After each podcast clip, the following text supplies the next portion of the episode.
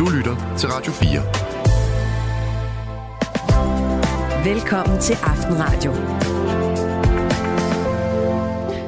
vi skal tale om 1 million kroner. Den er afsat til vedligehold af en mindelund ved en mindesten i Aarhus ved Skæring Hede på finansloven for næste år.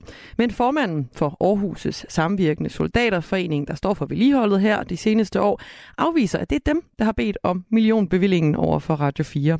Faktisk så er det finansministeren og den tidligere Aarhus-borgmester Nikolaj Vammen, der personligt står bag bevillingen til mindelunden, skriver politikken. Samtidig så står der nu altså organisationer tilbage, som øh, gerne har ville have penge, men som har mistet penge ved finansloven for næste år. Det er blandt andet Sabar, der kæmper for at forbedre vilkårene for LGBT plus personer med minoritetsetnisk baggrund i Danmark. Jeg vender den her prioritering i finansloven med enhedslistens Rosa Lund om et øjeblik. Vi skal også til København, hvor der er flyttet en ny faglighed ind i flere almene lægepraksiser, nemlig en socialrådgiver, der tager vare på nogle af de udsatte borgere, der kommer ved lægerne. Erfaringerne her de er så gode, at man nu vil udvide ordningen til flere steder i kommunen. Jeg taler med en læge fra Amager, som har en socialrådgiver siddende i sin praksis. Vi skal også runde en 1000 kroneseddel, eller faktisk dem alle sammen, fordi de kan nemlig snart være fortid. Ifølge børsen, der øh, forbereder Nationalbanken og regeringen en udfasning af 1000 kronesedlen.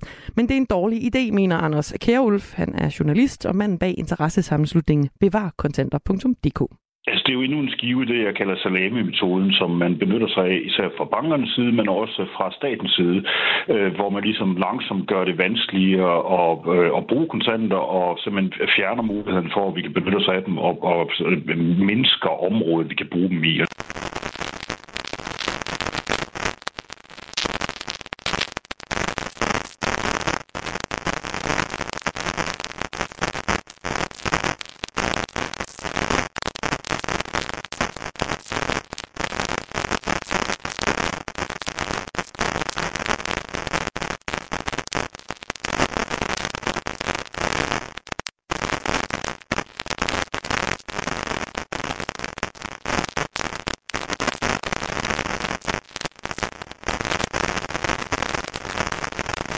Østergaard. Klokken er 7,5 minut over 8.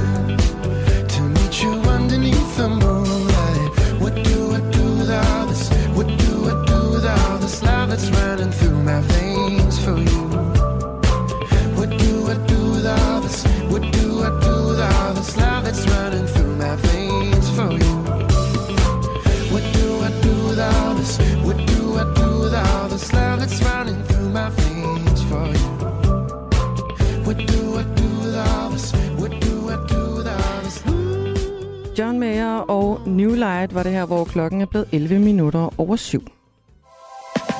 Du lytter til Aftenradio på Radio 4. Der er afsat 1 million kroner til vedligehold af en mindelund med en mindesten i Aarhus ved Skæring Hede på finansloven for næste år. Men formanden for Aarhus Samvirkende Soldaterforening afviser, at det er dem, der har bedt om den her million bevilling.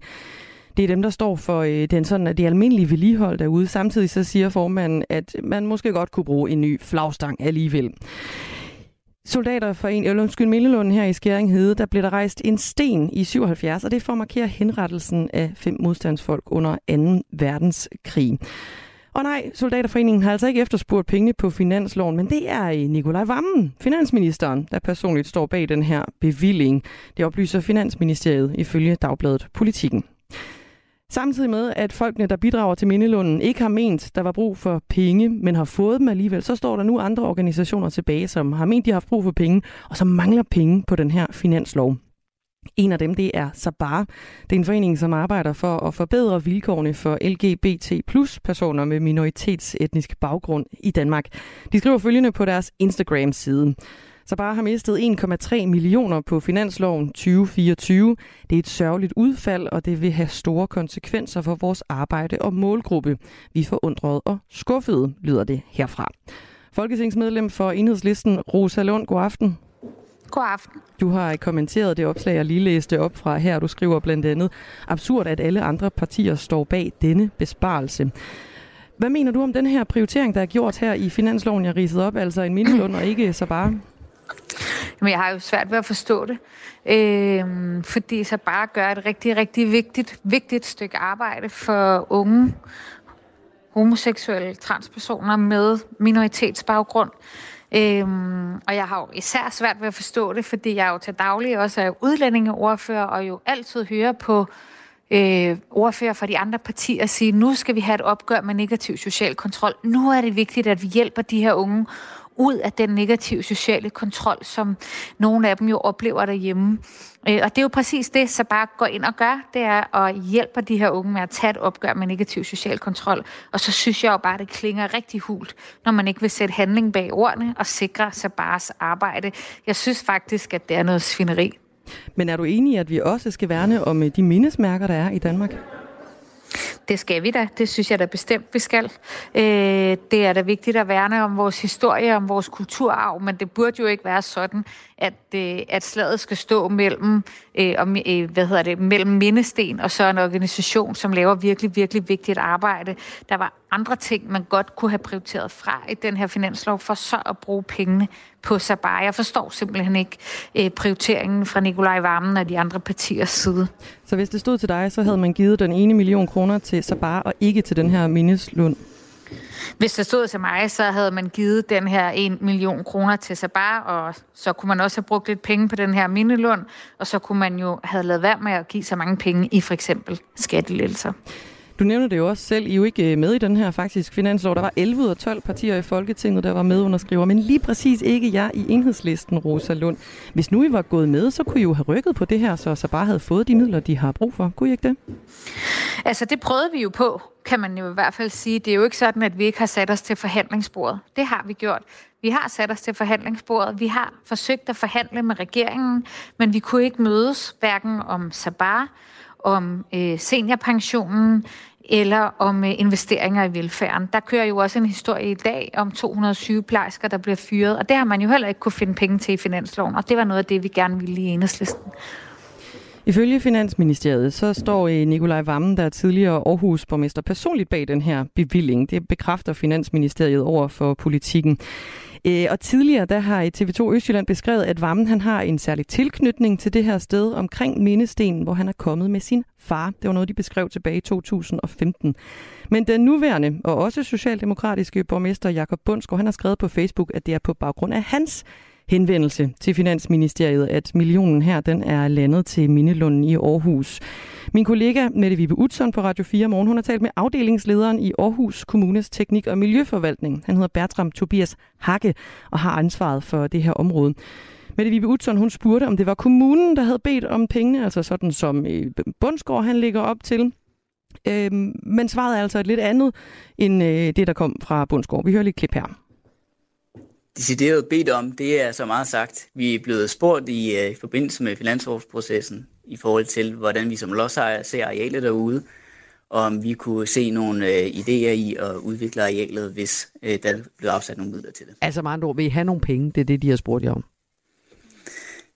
Vi er i hvert fald blevet spurgt til, hvis vi får nogle penge, hvordan kan vi bruge dem? Og der har vi sagt, vi kan godt bruge nogle penge derude. Som, som lodsejer derude, så har vi jo været ude og se det, og, og det er en vigtig kulturhistorisk øh, areal derude, men, men det står også og trænger til en lidt kærlig hånd. Rosa Lund, folketingsmedlem for Enhedslisten, blandt andet øh, udlændingeoverfører med mere. Øhm, er det egentlig normalt, at Finansministeriet henvender sig til kommuner og spørger dem, om de vil have nogle penge i forbindelse med finanslovsprocessen? Øh, nej, det er det ikke. Øh, jeg har i hvert fald ikke hørt om det før, og jeg tror, at de fleste kommuner rigtig gerne vil have nogle penge, fordi den kommunale velfærd, den halter jo virkelig. Øh, altså, der mangler jo penge til socioassistenter, til pædagoger, øh, til hjemmehjælp. Og sådan kunne jeg blive ved. Til handicapområdet er jo et andet område, som ligger kommunalt, hvor jeg der tror, der er rigtig mange kommuner, som vil henvende sig næste år, hvis det bare er det, der skal til. Det vil da i hvert fald være min opfordring til landets kommuner. Hvis det, der skal til for, at man kan få penge, for eksempel til handicapområdet, er, at man ringer til Nikolaj Vammen, så tror jeg godt, at han kan forvente, at telefonerne de begynder at kime. Men her der lyder det jo på Tobias, øh, Bertram Tobias Hakke fra Teknik- og Miljøforvaltningen, at det faktisk er omvendt, altså at de har fået en henvendelse i forbindelse med finanslovsprocessen og spurgt, mm. øh, kunne I egentlig bruge nogle penge til det her? Hvordan lyder det i dine jamen, jamen det synes jeg bare lyder helt skørt, fordi at vi ved, at kommunerne træng, altså, har trange kår økonomisk, så jeg tænker da, at alle kommuner vil blive glade for sådan en henvendelse. Det ændrer bare ikke på for mig at se, at det er fuldstændig hul i hovedet, at så bare ikke får øh, penge på den her finanslov. De laver et sindssygt vigtigt stykke arbejde, endda et stykke arbejde, som vores regering går rigtig meget op i. De har nedsat en hel kommission, der hedder Den Glemte Kvindekamp. Det er så vigtigt for dem at tage et opgør med social kontrol, men de organisationer, der så arbejder med at tage det opgør, ja, de kan så ikke få nogen penge. Det, det synes jeg er urimeligt. Men Rosalund, I har jo meldt jer ud af finansloven for i år i hvert fald. Så hvad vil I fra enhedslistens side nu gøre for at sørge for, at for eksempel organisationer som så bare de får de her økonomiske tilskud, de måtte have brug for? Jamen, altså, vi har da tænkt os at blive ved med at rejse det her over for de andre partier og se, om ikke der kan samles flertal for, at så bare skal have penge. Godt. Rosalund, det skal du have god arbejdsløst med. Tak skal du have. God aften. Rosa Lund, God aften. folketingsmedlem for øh, Enhedslisten, altså blandt andet udlændingeordfører, med mange flere hatte på, også i øvrigt. Jeg har også forsøgt at få et uh, interview med generalsekretæren i Sabar om prioriteringen her i finansloven, hvor der altså råd en million kroner til en uh, mindelån i Aarhus, samtidig med, at den her forening står til at miste 1,3 millioner kroner. Men det har altså desværre ikke været muligt at få det interview. Klokken den er blevet 19 minutter over syv.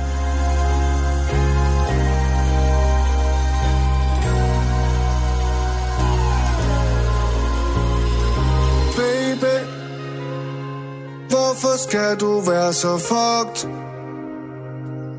Jeg håber du ved at jeg elsker dig for evigt Og jeg mener fucking evigt.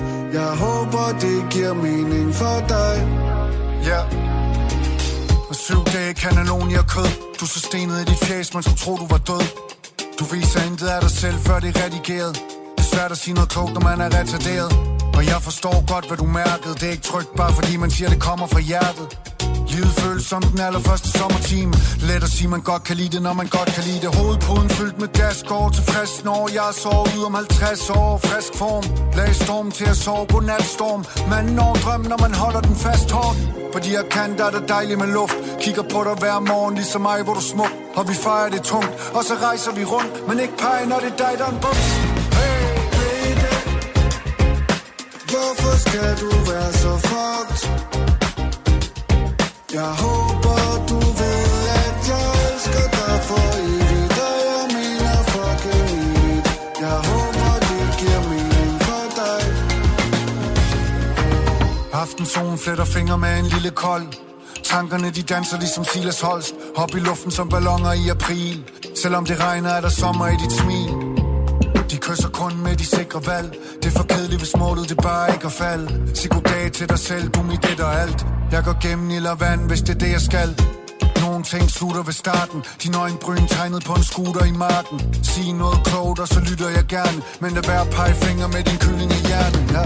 Hun har lyst til ham, han har lyst til hende.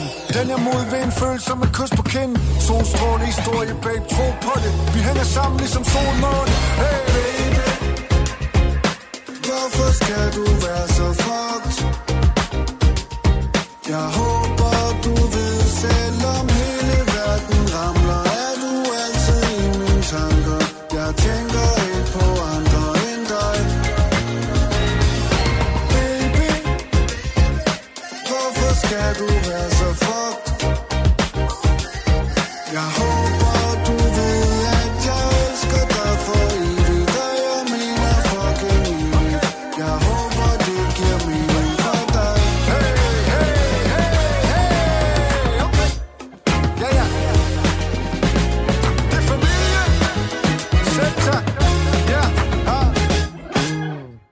Benjamin Hav og Cannelloni og kød. Du lytter til Radio 4.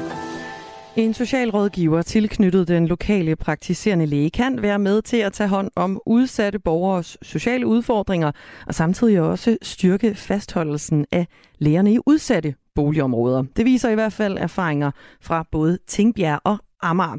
Så nu skal ordningen her udvides til flere steder i København, melder kommunen. En af de læger, der har haft en socialrådgiver tilknyttet med gode erfaringer, det er dig, Marianne Hansen. God aften God aften, god aften. praktiserende læge med praksis på Amager.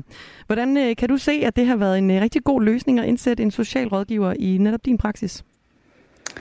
Altså, jeg må bare indrømme, at øh, da vi blev tilbudt det i slutningen af 2020, der var øh, humøret en lille smule lavt. Mine kollegaer var lige kommet tilbage fra en langvarig stresssygemelding, og oven på corona havde vi jo haft rigtig mange restriktioner, så øh, de sårbare patienter, vi har, håbet det så ligesom op. Alle de her, ikke bare øh, lægefaglige problemer, de havde, men også de meget socialfaglige problemer. Og vi var sådan set også i tvivl, om vi overhovedet kunne overskue at have den her øh, anden type medarbejder øh, gående i vores klinik, og hvor skulle hun også være, og hvor meget tid skulle vi bruge, og vil man få nogle penge for det, og så videre, og så videre.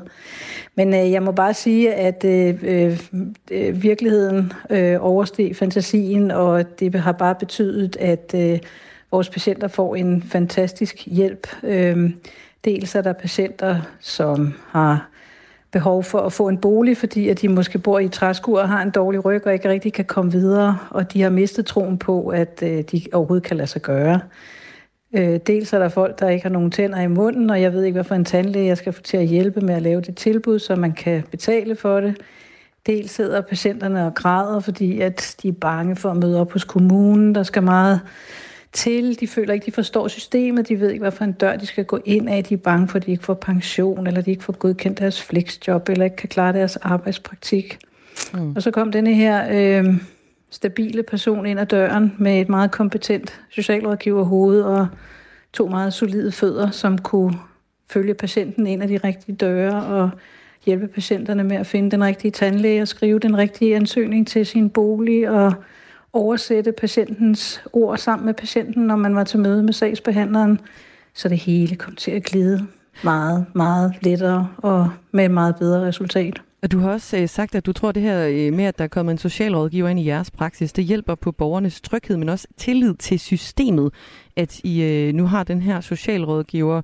Øh, hvor, hvorfor tror du, det hjælper på det?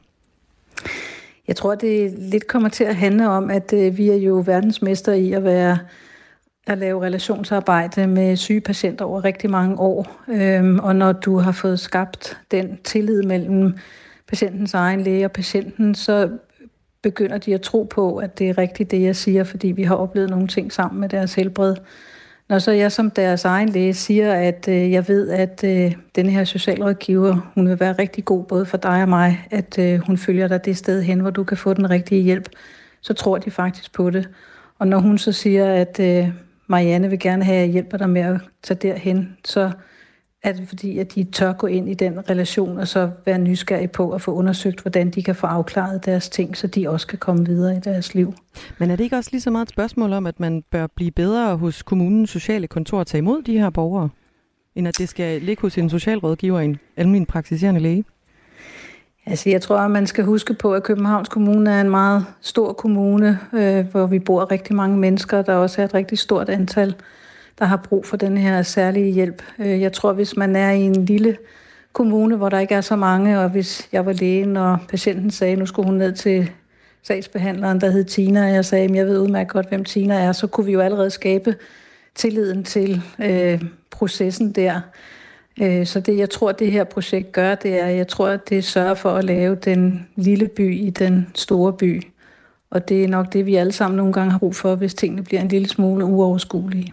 Og lad os lige prøve at dykke ned i den her øh, lille by i den store by, fordi den starter altså inde hos dig, Marianne Hansen, sådan som jeg forstår. Du er praktiserende læge med praksis på Amager, og der er blevet indsat en socialrådgiver i din øh, praksis for at gribe nogle af de udsatte borgere. Men hvad sker der sådan helt øh, lavpraktisk, når der kommer en borger ind, som, øh, som du sagde, bor i et skur og har en dårlig ryg?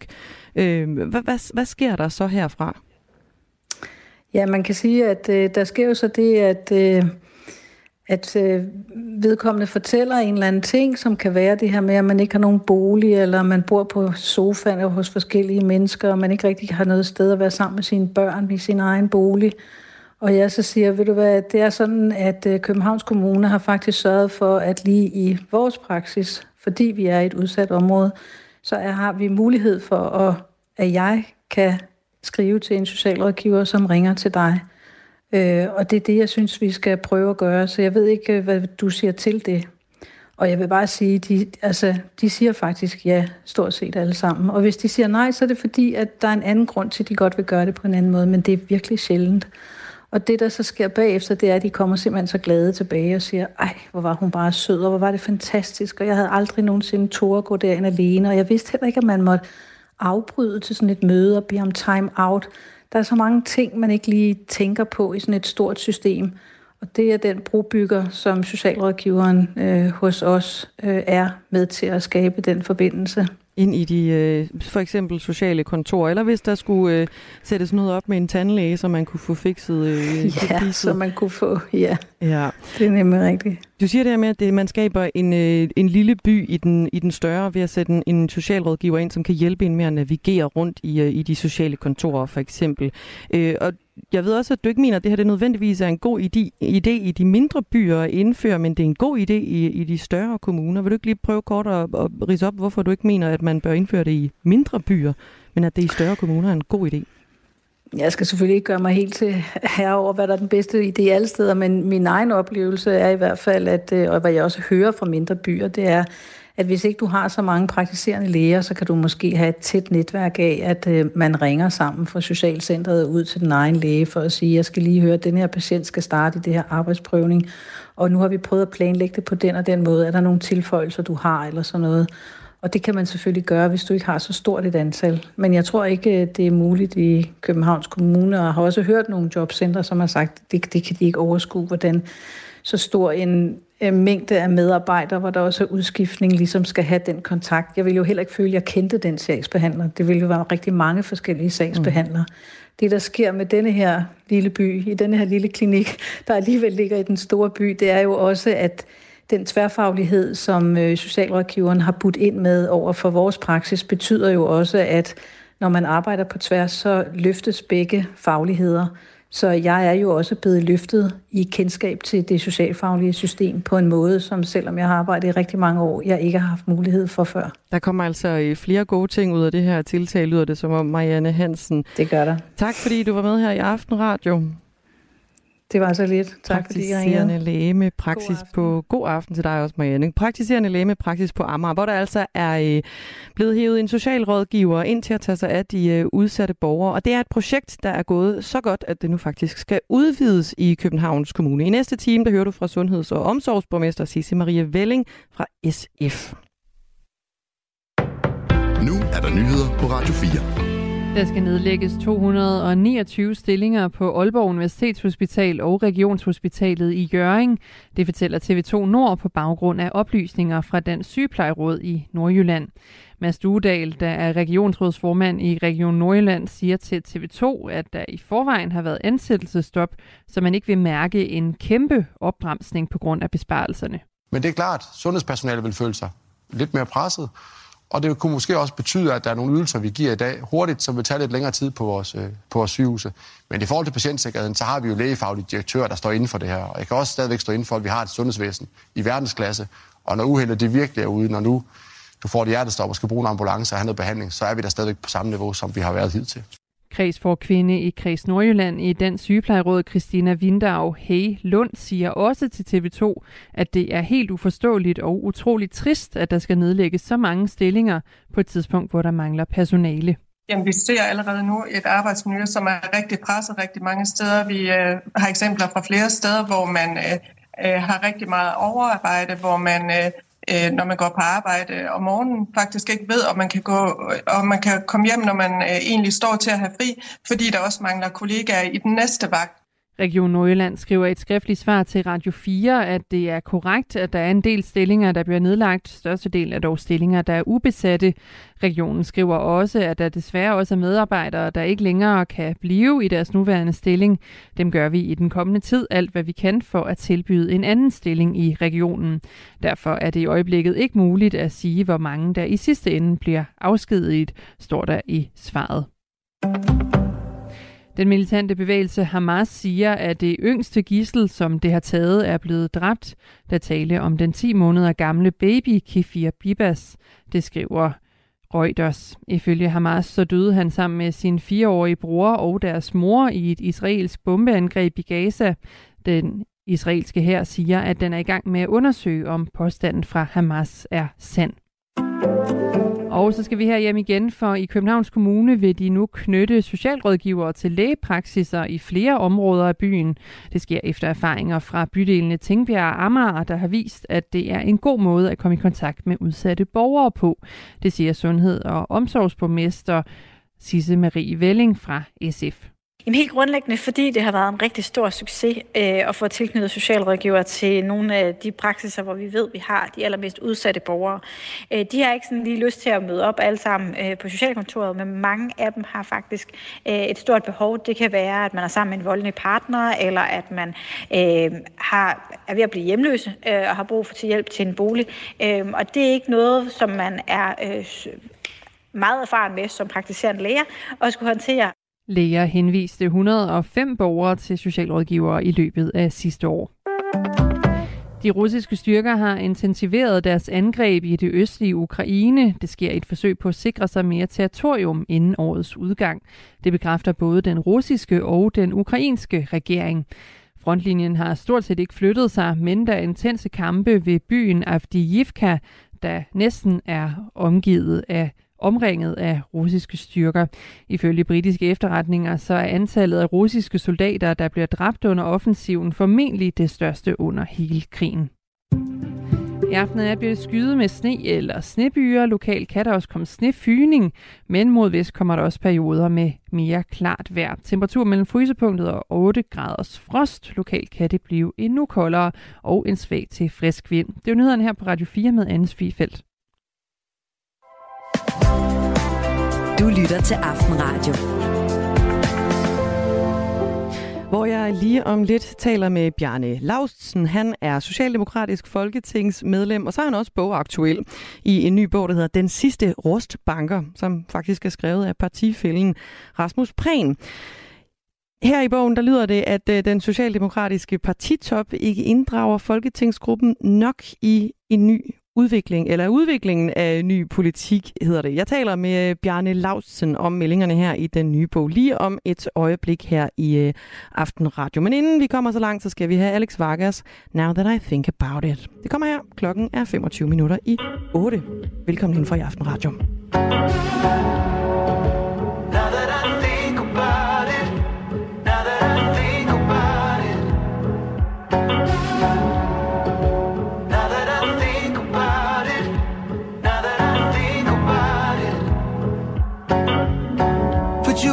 On the highest shelf.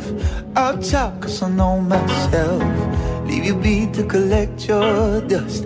Give me something to forget about. Out of sight, but you're in my mind. Shut it off, but you left a light on. And it trickles down to my chest. A feeling I can't get around. Need a push just to get me started. Tell me how to get by without it. Would forgive, but I don't know how. You and I are a lot alike. I love just as hard as you do. and the moment catches me too. I know I said that this was it, but now that I think about it, I wanna know.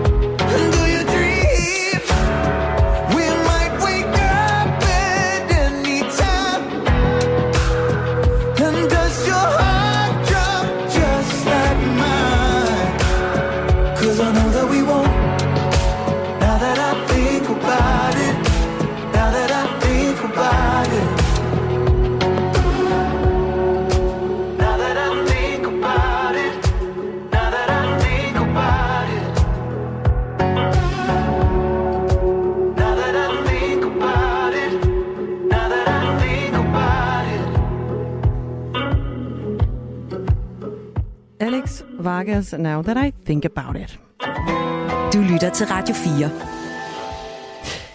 Den socialdemokratiske partitop inddrager ikke Folketingsgruppen sådan nok i udviklingen af ny politik. Der skal i hvert fald mere til måske. Sådan lyder det fra det socialdemokratiske folketingsmedlem Bjarne Lausen, der snart fylder 70 år. Og så er han aktuel med den nye bog, Den sidste rustbanker, der er skrevet af partifælle Rasmus Prehn, skriver politikken.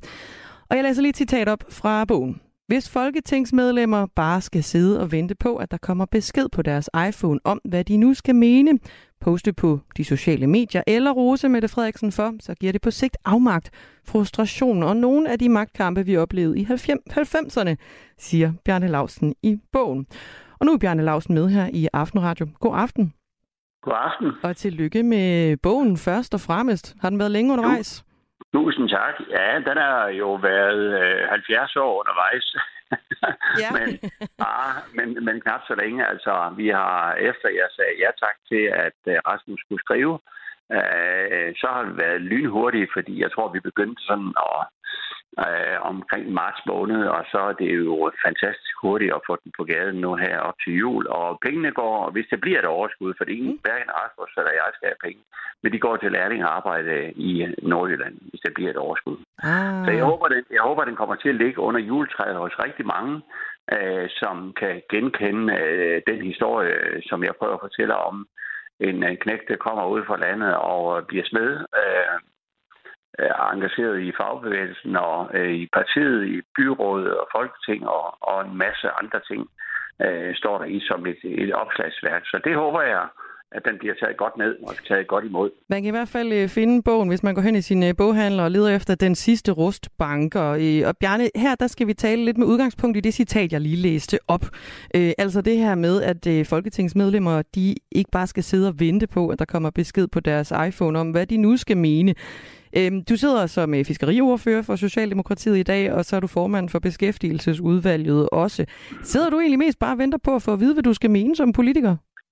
Nej, og ved du hvad, jeg går ikke op i de der titler der, fordi man kan godt lave politik uden at have et, et ordførerskab.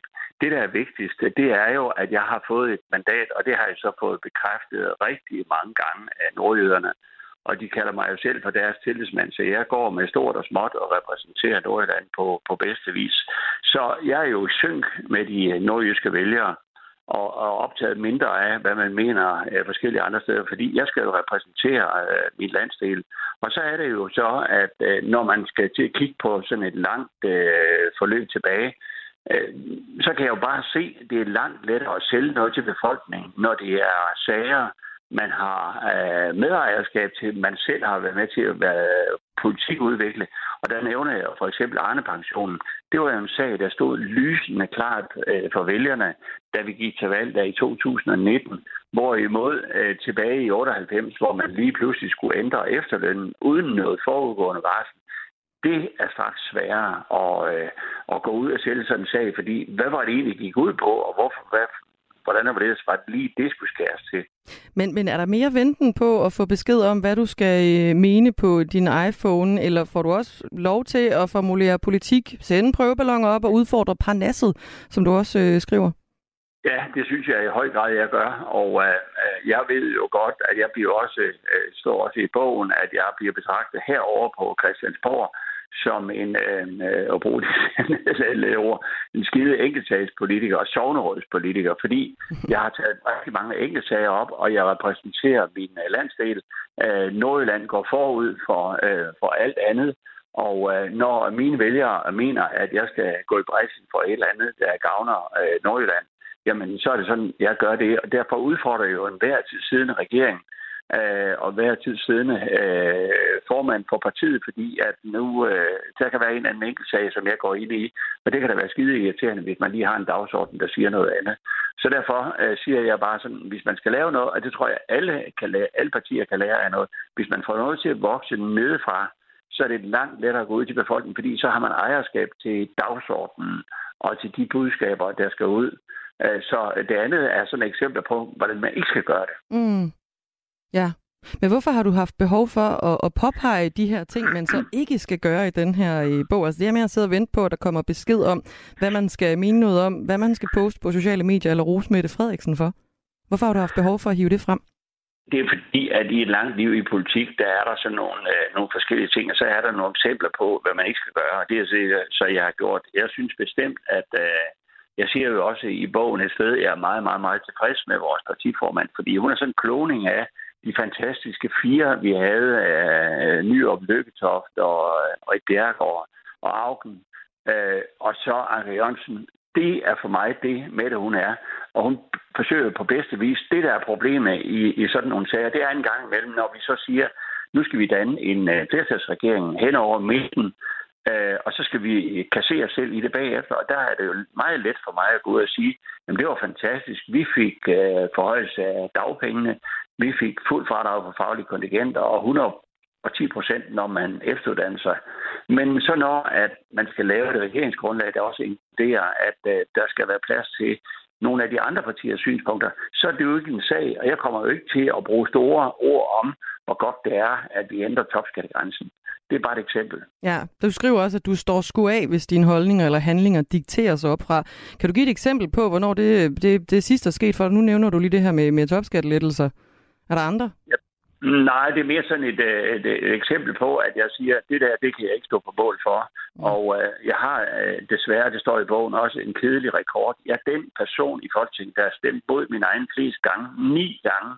Og det var fordi, at de borgerlige ville afskaffe efterlønnen, og de radikale ville have, at vi skulle føre øh, borgerlig politik, og så sagde jeg, det der, det kommer jeg ikke til at stemme for. Jeg valgte så den mildeste model og undlade at stemme for det. Men øh, der har jeg gået en gang, og øh, det er rekord både at stemme imod sit eget parti så mange gange, og så stadigvæk være i det samme parti. Og I kan jo bare se efter valget, øh, hvor mange der er skiftet ud. Øh, så derfor... Øh, ja, der er det, lidt der en øh, svingdør der. Øhm, Bjarne Lausen, grund til, at jeg hiver det her øh, citat ind og gerne vil tale med dig om det i, den her... Med, med, med, sådan, det er jo lidt, jeg læser det lidt som en... en øhm, en kritik af den socialdemokratiske partitop, og det her med manglen på inddragelse af resten af Folketingsgruppen. Når jeg hiver det her ind, så er det fordi, der har været kritik af øh, Mette Frederiksen, altså din partiformand, men også vores allesammen statsminister og hendes måde at lede partiet på. mest fra modsat fløj øh, i Folketinget, skal det jo også lige sige, men hun er blevet kaldt magtfuldkommen. Kan du, kan du forstå, hvorfor jeg laver koblingen mellem det her øh, citat, jeg læste op indledningsvis, og så kritikken af Mette Frederiksens magtfuldkommenhed? Jeg kan godt forstå, at du som journalist på en radio øh, stiller mig det spørgsmål, men i mine øjne, der er Mette Frederiksen ikke magtfuldkommen.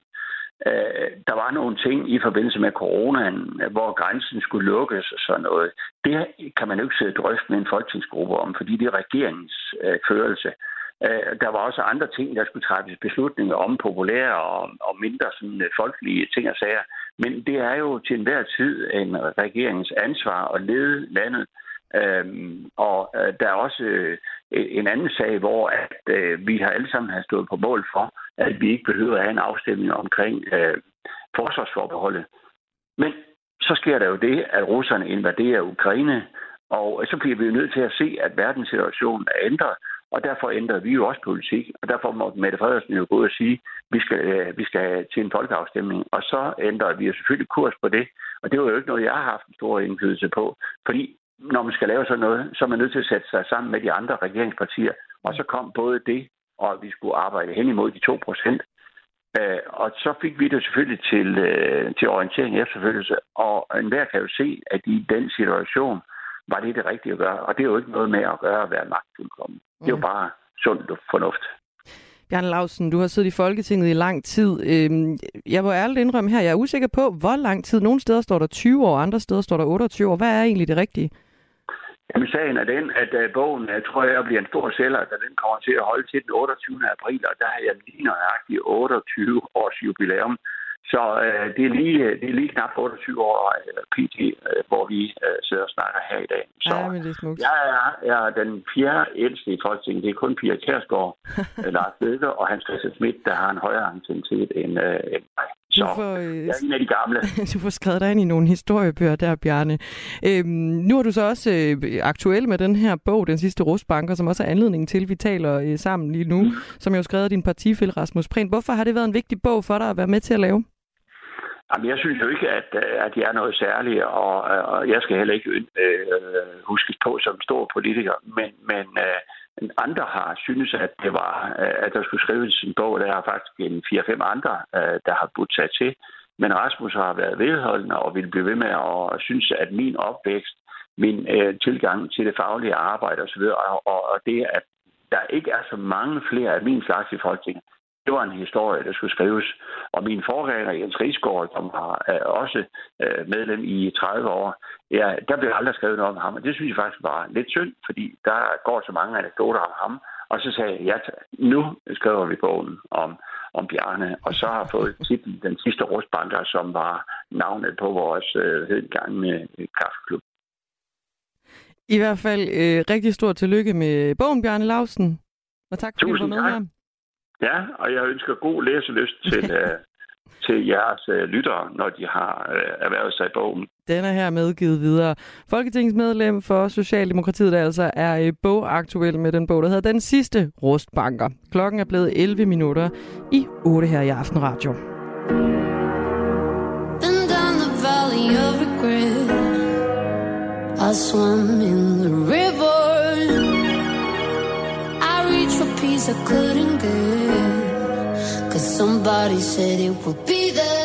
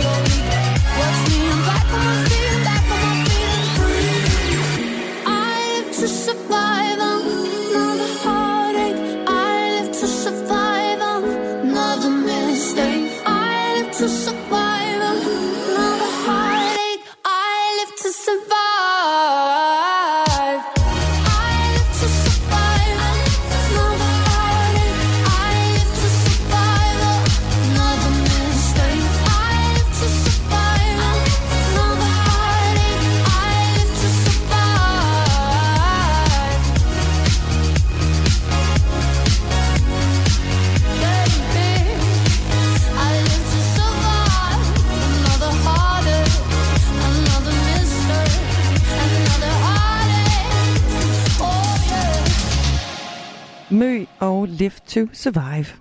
Man har en død mand i et badekar på et hotelværelse. Krimiland genåbner sagen om et mystisk dødsfald i toppen af tysk politik. Der er ikke nogen som helst sådan umiddelbare synlige indikationer i retning af, om han er blevet myrdet, eller om han er begået selvmord. Genstand for genstand gennemgår Christoffer Lind og Anders Oris hotelværelset for spor. Livet er påklædt. Barsel, han har skjorte og slips på. Hvis vi begynder med at fokusere på badekarret og på livet, mm, så har han ikke sine sko på. Han har ikke nogen sko på. Lyt til Krimiland om Uwe Barschel i Radio 4's app, eller der, hvor du lytter til podcast. Radio 4. Det her, det, øh, det vil blive et mysterium. Ikke så forudsigeligt. Skal Tisted Kommune have navneforandring til Thy Kommune i stedet for? Det holdt kommunalbestyrelsen møde om i går aftes, og svaret det bliver altså ja. Tisteds Kommune skal blive til Thy. Det mener i hvert fald et flertal i kommunalbestyrelsen. Derfor så bliver den videre proces mod et navneskifte nu også sat i gang. Nu bliver borgerne hørt igennem en digital borgerhøring, fortæller Nils Jørgen Petersen, der er borgmester i Tisted Kommune for Venstre. Og han mener, at mange mennesker i området synes, det er en god idé med et navneskifte. Hvis øh, alle synes, det er en rigtig dårlig idé, så kommer vi jo selvfølgelig ikke til at, øh, til at skifte navn. Men jeg synes, i det stykke tid, vi har diskuteret det her, har vi jo hørt fra rigtig mange mennesker, der synes, det er en, en god idé, og det giver god mening i forhold til, at uh, tingene har ændret sig markant de sidste 10-15 år, altså i, i retning af, at man bruger ty meget, meget mere. Ty, det er blevet meget større brand, og det er egentlig, vi er jo typer, vi kommer fra ty. Det er, det er, det er ty, der sådan kitter os sammen i det daglige. Det er der fællesskabet er. siger borgmesteren i Tisted Kommune. Men der er altså også nogen i kommunen, der synes, at et navneskift er en dårlig idé. En af dem det er Chris Poulsen. Han er socialpædagog og bor i Klitmøller. Det er mange ressourcer at bruge både de kommunale ansattes tid og kommunens penge på at lave et navneskift. Jeg tror, det bliver relativt dyrt. Der er tale om i hvert fald nogle millioner, man skal bruge på det, og øh, dem kunne man bruge på så meget andet godt. Jeg tror ikke, effekten vil være særlig voldsom. Og en anden pointe er jo også, at, at Tis Kommune dækker et andet, andet område end bare Thy. Det dækker jo også det område, der hedder Hanne, som, som, som ikke er en del af Thy, og det burde måske også indgå i kommunenavnet, hvis man ville have hele landskabet med. Jeg oplever som, som, som borger i kommunen, at de humane ansatte altid har, har meget travlt og, og er meget presset, og økonomien også er presset. Og så synes jeg, at det er lidt paradoxalt, at man vil til at bruge tid og penge, og der skal bruges en del tid på det her projekt og det her navnskift, hvis man vil. Hvis man gennemfører det, og jeg synes, man skal overveje meget grundigt, om det dybest set er pengene værd. Det er sådan set det, jeg er meget i tvivl om, det må jeg sige. Ja, og med de argumenter, som Chris Poulsen han her har øh, ridset op, så er det altså heller ikke sikkert, at han, at han kommer til at stemme for det her navneskifte, når det når dertil. Jeg stemmer sandsynligvis nej, fordi jeg synes, det er, det er mange andre meget større emner, der burde bruges tid og, og penge på end, end et navneskifte. Der er en havn i Hanstholm, der lider meget, og der er store problemer på socialområdet også, som, som burde løses øh, først. Men argumenterne fra socialpædagogen fra Klit Møller, Møller Chris Poulsen, køber Nils Jørgen Petersen altså ikke. Han er borgmester i Tisted Kommune for Venstre og køber ikke argumenterne her. Det er jo ikke sådan, at fordi vi skal lave et navneskifte, så stopper alt andet øh, arbejde i kommunen. Vi fortsætter jo med nøjagtig samme kadence på de opgaver, der ligger. Der ligger heller ikke øh, en stor regning for at gøre det her. Mange af de steder, hvor, hvor vi skal have skiftet Tisted ud med, med ty, øh, hen ad vejen, der står der faktisk øh, ty i dag. Vi ser det på de kommunale biler, dem man kører rundt i hjemmeplejen og sådan noget, så står der ty, og så står der tiste nedenunder vores, øh, vores hvad hedder det, øh, vores slogan, det hedder ty til livet, det bliver skrevet alle steder, han har sagt, så der er nogle øh, byskilte, nogle øh, kommuneskilte, når du kører ind i kommunen, dem skifter vi selv. Øh, vi har selv øh, tingene til det.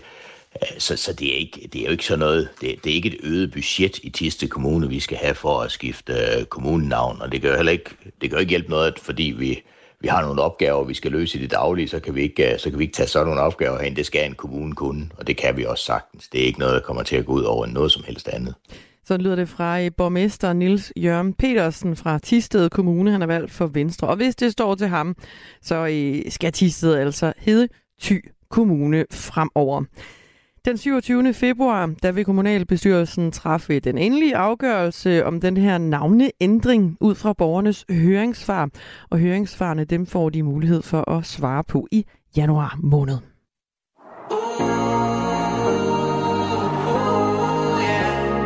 Livløs du går, gemmer dig et sted Sommeren gik og tog dig med Som en drøm, jeg ikke kan forstå Var du virkelig, eller virkelig hurtigt til at gå? Du faldt ned på mig som sommerregn Men hvor er du nu? Du som blomster på en motorvej Man ikke kan nå Hvis du stadig tænker lidt på mig Så synes jeg du skulle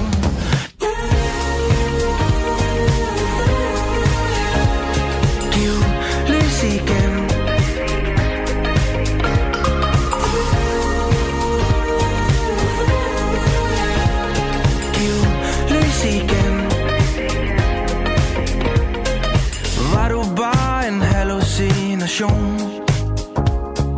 Et hurtigt kys på Nørreport station. Jeg klemte hårdt om din hånd i toget. Det er da mærkeligt, hvis du ikke kunne mærke noget. Du faldt ned på mig som sommerregn Men hvor er du nu? Du som blomster på en motorvej Man ikke kan nå. Hvis du stadig tænker lidt på mig Så synes jeg du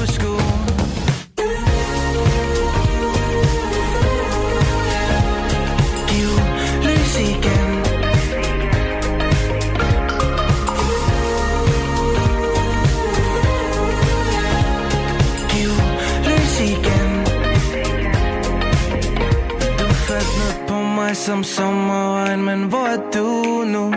Du som blomster på en motorvej Man ikke kan nå Hvis du stadig tænker lidt på mig Så synes jeg du skulle Give lys igen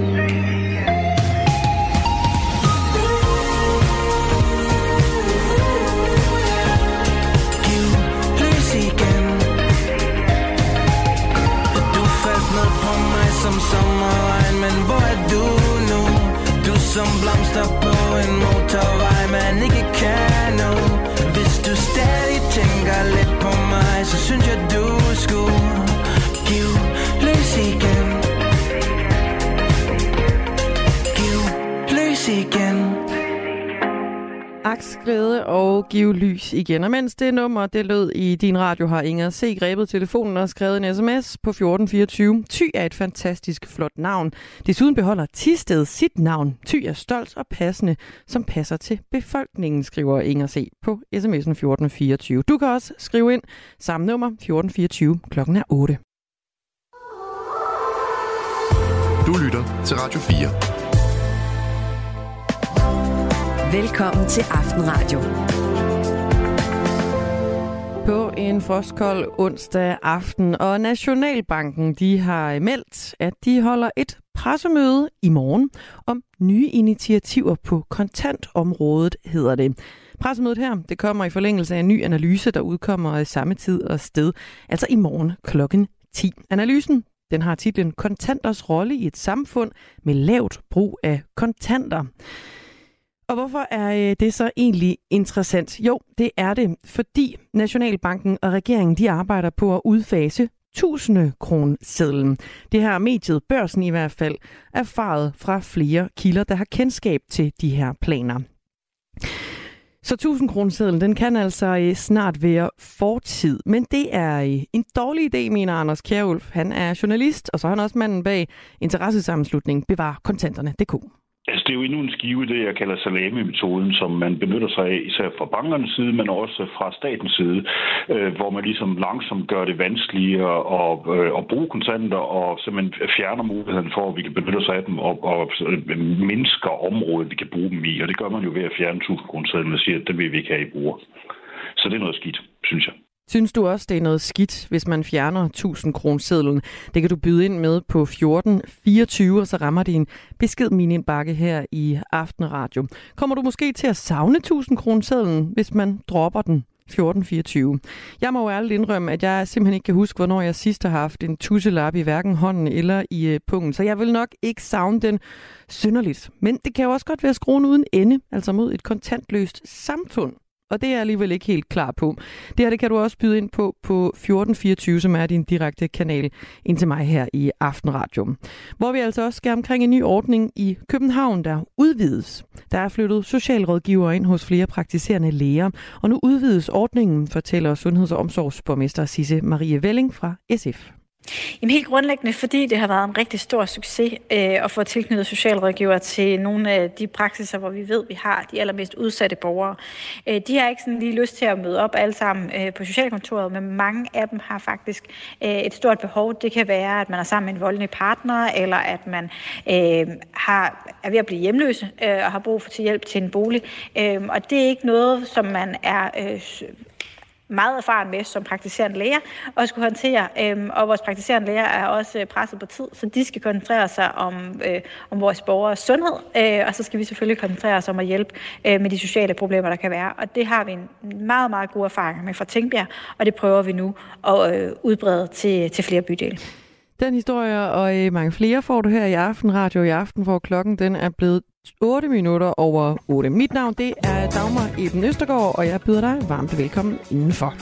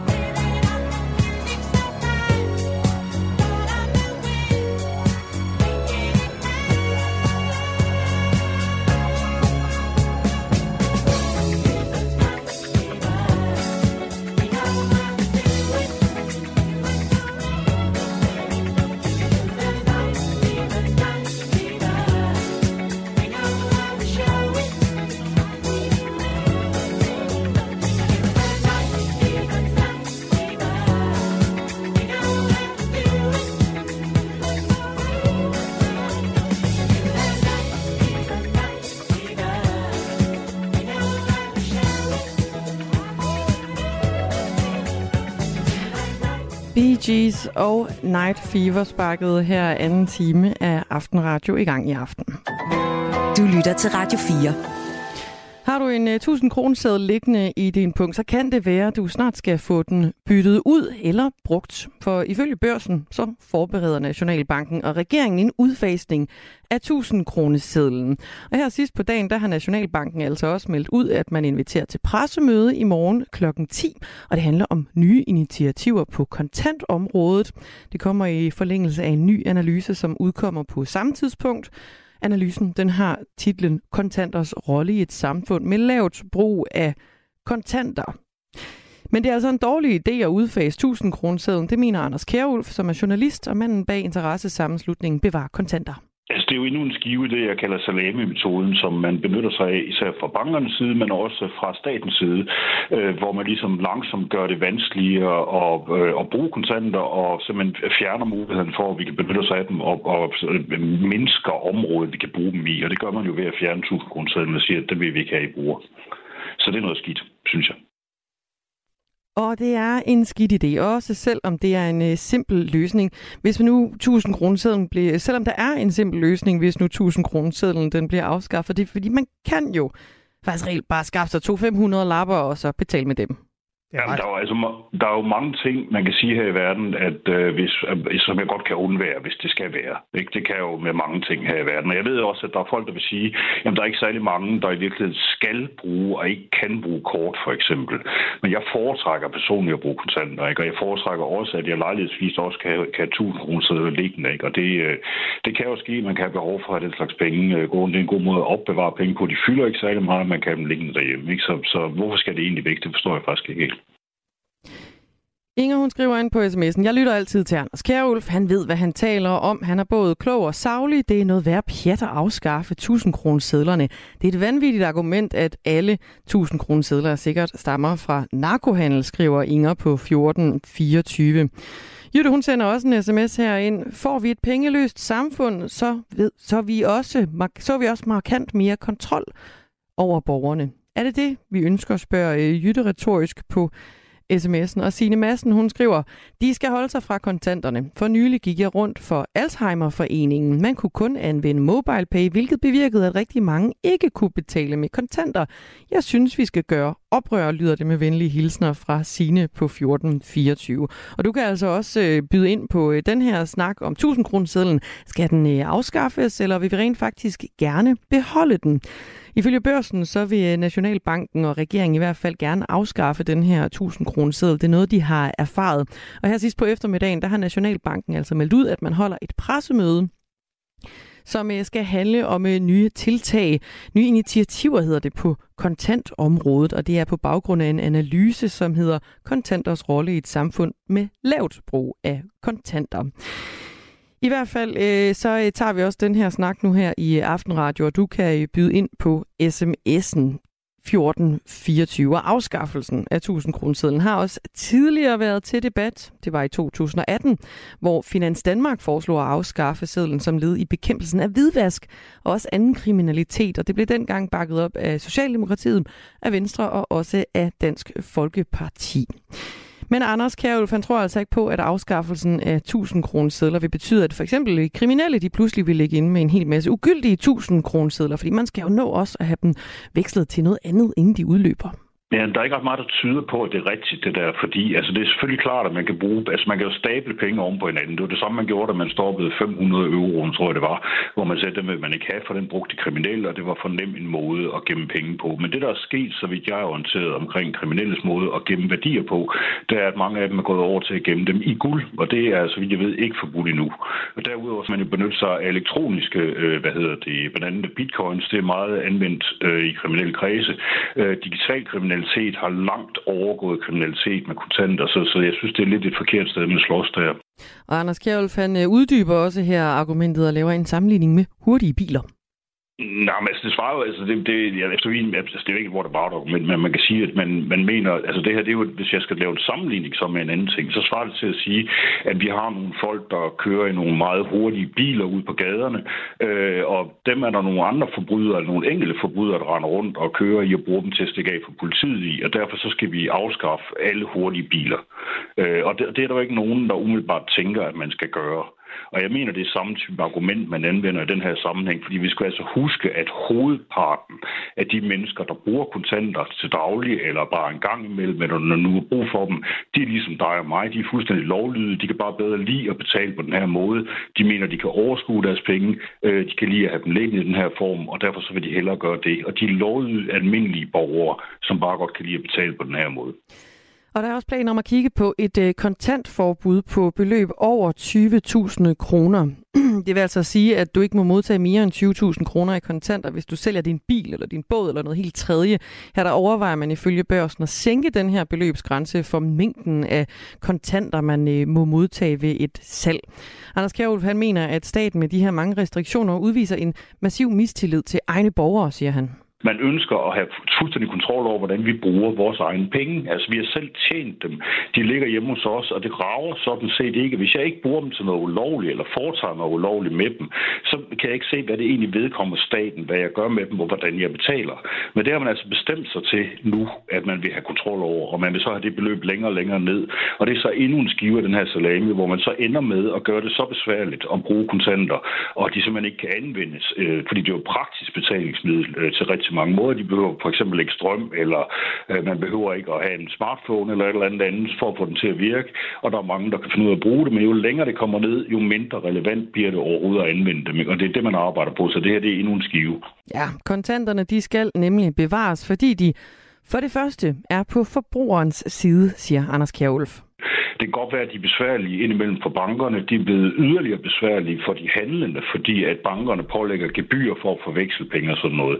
Men så er det simpelthen også det eneste anonyme betalingsmiddel, vi har, hvor der ikke efterlades data, hvor man ikke kan lave datamining i dem, og hvor man ikke kan lægge øh, gebyr på i øvrigt også eller Det kan bankerne jo slet ikke lide i den her sammenhæng. Men at det, at vi har et betalingsmiddel, hvor jeg kan gå ned og købe cigaretter, uden at mit forsikringsselskab kan følge med i det, eller hvor jeg kan gå på værtshus, uden at der er nogen, der bagefter kan slå op og sige, Nå, du går nok lidt for meget i byen, eller et eller andet andet halvøjse.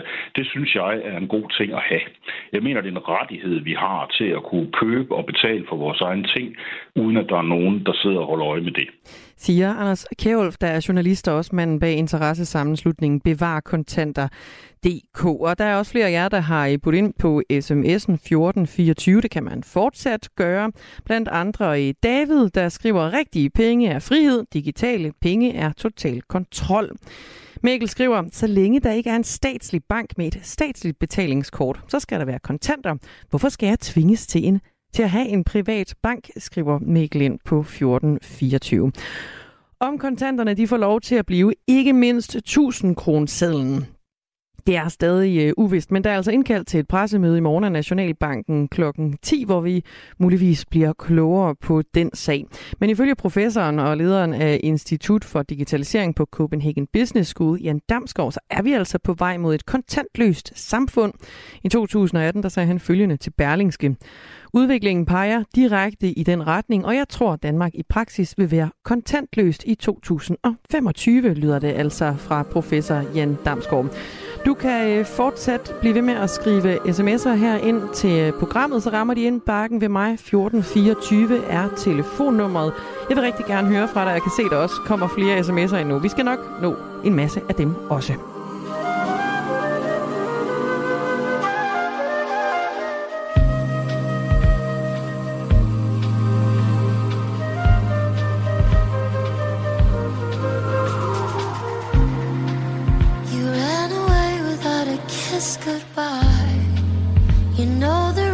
You will satisfy my loyalty. I'm forced to be careless free. I'll take revenge for your abandonment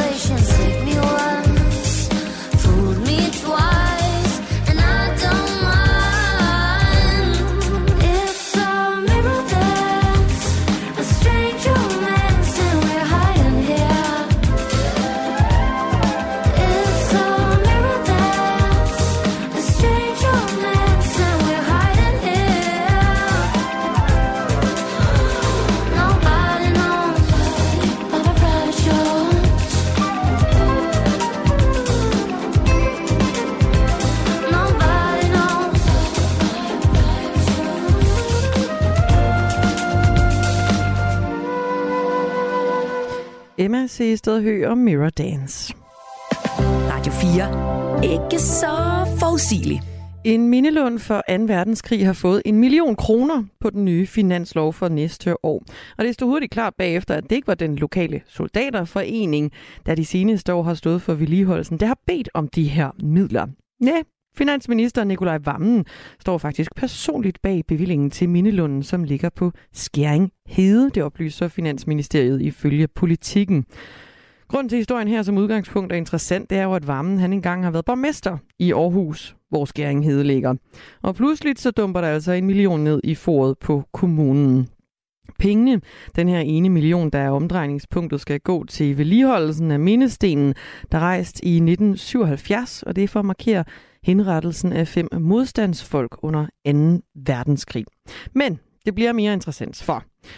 Ønsket om millionen til mindestenen skete faktisk på baggrund af en henvendelse fra byens socialdemokratiske borgmester Jakob Bundsgaard. På Facebook skriver borgmesteren i hvert fald selv, at det er fantastisk, at min henvendelse til finansministeren er hørt og bragt videre til Folketingets partier, lyder det.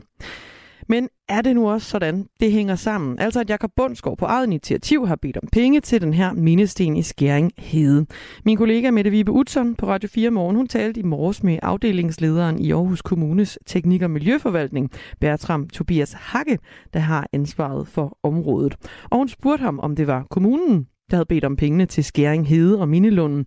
Og svaret det er et lidt andet end det Bundsgaard han ligger for dagen decideret bedt om, det er så meget sagt. Vi er blevet spurgt i, uh, i forbindelse med finansårsprocessen i forhold til, hvordan vi som lodsejer ser arealet derude, og om vi kunne se nogle uh, idéer i at udvikle arealet, hvis uh, der blev afsat nogle midler til det. Altså med andre ord, vil I have nogle penge? Det er det, de har spurgt jer om. Vi er i hvert fald blevet spurgt til, hvis vi får nogle penge, hvordan kan vi bruge dem? Og der har vi sagt, vi kan godt bruge nogle penge derude. Som, som lodsejer derude, så har vi jo været ude og se det, og, og det er en vigtig kulturhistorisk øh, areal derude, men, men det står også og trænger til en lidt kærlig hånd. Øh, vold mod kysten, der er en del af det her daværende skudterræn. Det er jo tilgroet, og øh, det kræver en kraftig beskæring. Vi har invasive arter, der står derude og vokser til, og, og man kan godt se, at, øh, at vi som kommune har lidt efterslæb derude. Så, så den her finanslovsaftale, det hjælper til, at vi kan har mulighed for at give det en lidt kærlig hånd. Det, som er lidt interessant, det er selvfølgelig, at I bliver nærmest ringet op, lyder det som, at Finansministeriet har spurgt, hvad kan I bruge en million til? Altså, er det Nikolaj Vammen, der decideret har ringet? Har du snakket med ham om det her, om, om hvorvidt I vil have pengene? Jeg har ikke snakket med Nikolaj Vammen. Øh, det politiske opdrag, og hvem der har haft dialogen i forbindelse med den her finanslovsproces, det indblik, det har jeg simpelthen ikke. Øh, og det er jo noget, jeg må henvise til Finansministeriet om, fordi det er en embedsmand som mig sidder, sidder langt væk på det, så jeg kender ikke det politiske opdrag. Okay. Du, I forhold til de frivillige, så ligger de jo nogle kræfter derude, ja. og det er jo både i forhold til, øh, til Mindelund, men det er jo også omkringliggende areal, hvor vi har et frivillige kræfter fra Danmarks Naturfredningsforening, der i samarbejde med os har, har lavet nogle frivillige tiltag for at prøve at pleje og vedligeholde heden derude, der springer meget i krat. Og der tænker vi også nogle midler som det her, det vil kunne hjælpe de, de instanser derude. Mm. Så vi skal have en dialog med interessenterne, både i forhold til Mindelund, men også i forhold til det, det natur- og kystlandskab, som der egentlig trænger til en kærlig hånd. Der kan jo godt blive råd til to nye flagstænger, tænker jeg, for en million kroner. Ja, jeg tror godt, jeg kan garantere, at de nok skal få sig en ny øh, flagstang. Øh, det, det er helt sikkert. Og der er også nogle bænke, der kan trænge sig til en kærlig hånd. Men nu vil vi først have en dialog med de frivillige derude, fordi ja. nu skal vi selvfølgelig også sørge for at få brugt pengene ordentligt på en god måde. Nu er det jo sådan, når vi interesserer os for det, og det er lidt sjovt, at, øh, at der pludselig dumper en million ned i jeres favn, så er det fordi Nikolaj Vammen har været borgmester i Aarhus fra 2006 til 11, og han har også siddet i Aarhus Byråd fra 98 til 11, Øh, og i 2015, der sagde han faktisk i et interview med TV2 i at han har en særlig tilknytning til det her sted omkring Mindesten, hvor han er kommet meget med sin far, og det gjorde stort indtryk på ham. Altså, hvor overrasket er I over at få penge på den her finanslov? Jamen, jeg tror for mange, der får penge på finansloven, altid bliver overrasket, for det er jo en meget øh, lukket proces, og det er jo altid spændende, hvad, hvad de politiske forhandlinger munder ud, i, munder ud i. Det, som vi nu er, det er, at vi er mere glade for det, end overrasket for, for Mindelund derude fortjener, at det, det står skarpt derude. Der er nogle kulturhistorier, som der fortjener en, en fortælling, og som vi også med de her midler kan være bedre til at komme ud med, fordi det er et vigtigt område for Aarhus, men egentlig også for Danmark i sin helhed.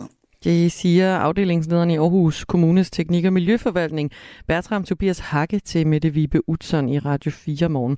Så ifølge Aarhus Kommune, så er det altså ikke kommunen selv, der har bedt om øh, de her penge. De er sådan lidt mere blevet spurgt, om de faktisk kunne bruge nogle penge på det her område.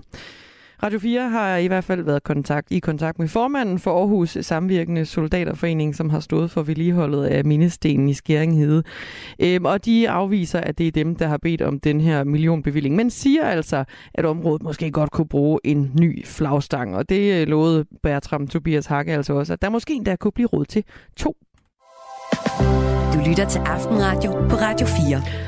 Og lad os så dykke ned i nogle af de sms'er, I har været så gode at sende ind her i min indbakke. Det er, fordi vi øh, snakker om øh, 1000 kroner sedlen om, hvorvidt den bør afskaffes eller ej. Børsen har i dag erfaret, at den bliver afskaffet af Nationalbanken og regeringen. Og siden de erfarede det, så har Nationalbanken altså også indkaldt til et pressemøde i morgen formiddag kl. 10. Therese fra Frederiksberg, hun skriver, mister du dit kreditkort, går der syv dage før du kan få et nyt, så have altid kontanter til at overleve. En uges tid uden plastkort, total imod afskaffelse for kontanter, skriver hun. Tænk også på vores børn, når de skal lære, hvad penge er, lyder det fra Therese fra Frederiksberg på 1424. Lasse han byder også ind. Han skriver, at det handler ikke om 1000 kroner sedlen, men om et kontrollerende totalitært samfund. Husk, at begrebet Big Brother ikke stammer fra et reality show, men fra Aldous Huxleys bog Fagre Nye Verden. Alle burde læse den, lyder det fra øh, Lasse på sms'en.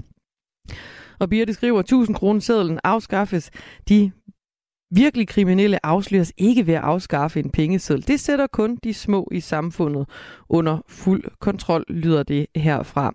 Du er altså også øh, fortsat velkommen til at byde ind på øh, sms'en. Der er en overvejende, øh, ja det vejer tungere til den side, der hedder, ej, vi skal lige huske at bevare 1000 kroner og ikke mindst kontanterne. Så jeg vil også rigtig gerne høre fra dig, som mener, det er fint af med den 1000 kroner Den behøver vi ikke alligevel. Skriv ind 1424. Nu får du en omgang nyheder. Klokken er 20.30. Nu er der nyheder på Radio 4. Aalborg Universitetshospital og Regionshospitalet i Jørgen står over for store besparelser. Der skal nedlægges 229 stillinger i alt på de to sygehuse. Det fortæller TV2 Nord på baggrund af oplysninger fra Dansk Sygeplejeråd i Nordjylland.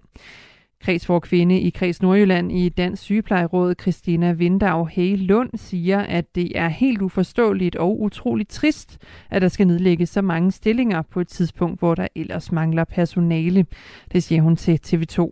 Jamen, vi ser allerede nu et arbejdsmiljø, som er rigtig presset rigtig mange steder. Vi øh, har eksempler fra flere steder, hvor man øh, øh har rigtig meget overarbejde, hvor man øh, øh, når man går på arbejde om morgenen, faktisk ikke ved, om man kan, gå, øh, om man kan komme hjem, når man øh, egentlig står til at have fri, fordi der også mangler kollegaer i den næste vagt. Region Nordjylland skriver i et skriftligt svar til Radio 4, at blandt øh, blandt andet, at der desværre er medarbejdere, der ikke længere kan blive i deres nuværende stilling. Dem gør vi i den kommende tid alt, hvad vi kan for at tilbyde en anden stilling i regionen. Derfor er det i øjeblikket ikke muligt at sige, hvor mange der i sidste ende vil blive afskediget, står der i svaret. En tredje person er nu blevet sigtet for billigelse af terror i forbindelse med krigen imellem Israel og Hamas, det skriver BT. Ifølge mediet så er der tale om et medlem af den islamistiske organisation Hizbut Tahrir.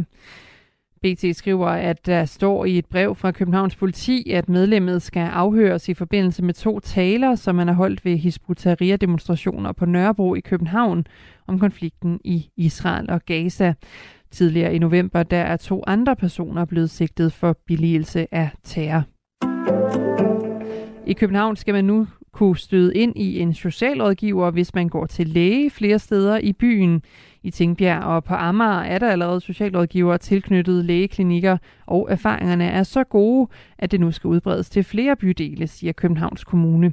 Marianne Hansen, der er praktiserende læge med praksis på Amager, siger, at det er en stor hjælp for patienterne, at der er en socialrådgiver tilknyttet hendes klinik. De føler ikke, de forstår systemet. De ved ikke, hvad for en dør de skal gå ind af. De er bange for, at de ikke får pension, eller de ikke får godkendt deres flexjob, eller ikke kan klare deres arbejdspraktik. Og så kom denne her øh, stabile person ind ad døren med et meget kompetent socialrådgiver hoved og to meget solide fødder, som kunne følge patienten ind ad de rigtige døre. Hun mener, det øger udsatte borgers tillid til systemet, at de kan møde en socialrådgiver hos den læge, som de har tillid til. Ordningen, hvor socialrådgivere er tilknyttet praktiserende læger, har eksisteret i Tingbjerg siden 2018 og på Amager siden 2022. Læger henviste 105 borgere til socialrådgivere i løbet af sidste år. Sverige kommer ikke til at afholde vinter i 2030. Det meddeler den internationale olympiske komité, IOC, på sin hjemmeside.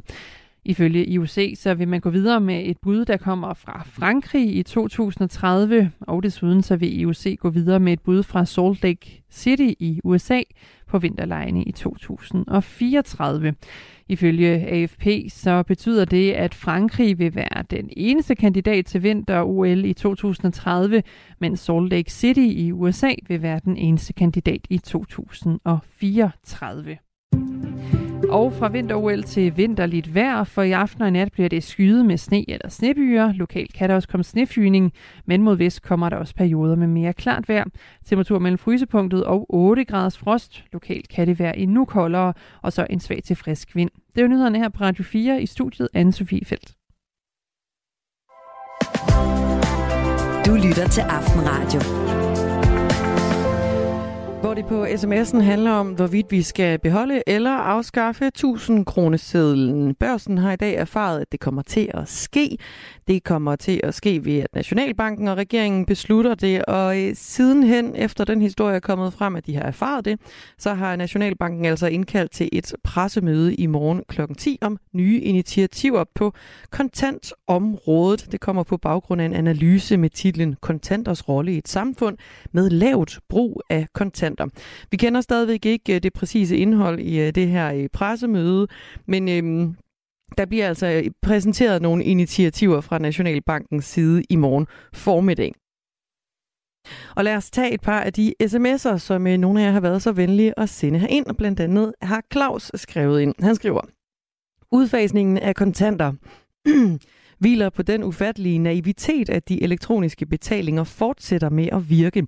Særligt i en verden fuld af fjendtlig sindede staters hackere og mulige fremtidige militære aktioner mod dansk infrastruktur. Derfor er der behov for fortsat betaling med kontanter, skriver Claus ind på sms'en.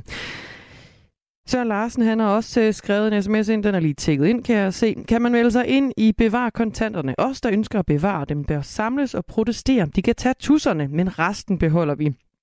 Det skal vi ikke få. Det skal, det skal få ikke bestemme. Tænk dog på de ældste. Mange er mest Hold op, jeg har en tus i halsen. Mange er altså mest trygge ved kontanterne, skriver Søren Larsen ind på sms'en 1424. Og Pi Maria, hun opfordrer altså hermed også alle til at benytte kontanter. Du kan også øh, fortsat skrive beskeder ind på 1424, så rammer de min indbakke. Jeg hedder Dagmar Eben Østergaard. Velkommen til Aftenradio.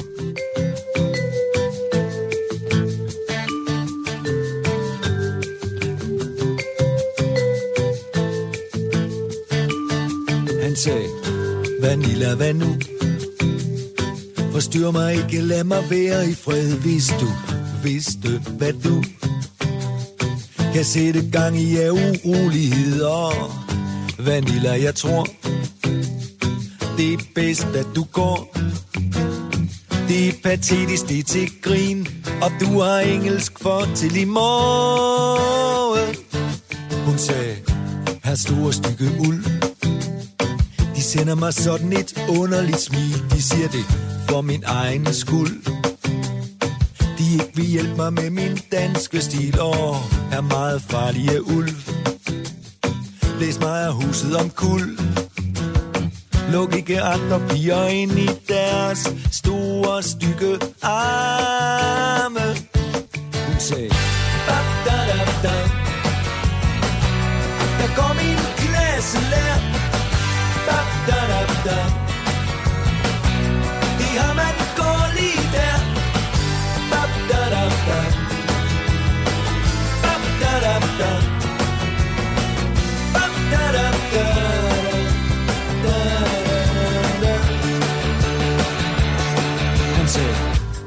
Hallo Vanilla, hej. Jeg kom tilfældigvis lige forbi, jeg har sådan tænkt på dig. Der er så meget, jeg gerne ville sige, men vanilla goodbye. Det går slet ikke med mig.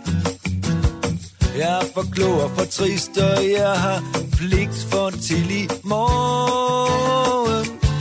Hun sagde, her bedre end god. Hvad gør de her i min butik? Og, og så i dansesko. Der står så fint til der så modige blik. Og her venligheden selv. Kom bare alligevel. Vis mig nu et par trin. Dans mig med i deres drømme. Hun sagde,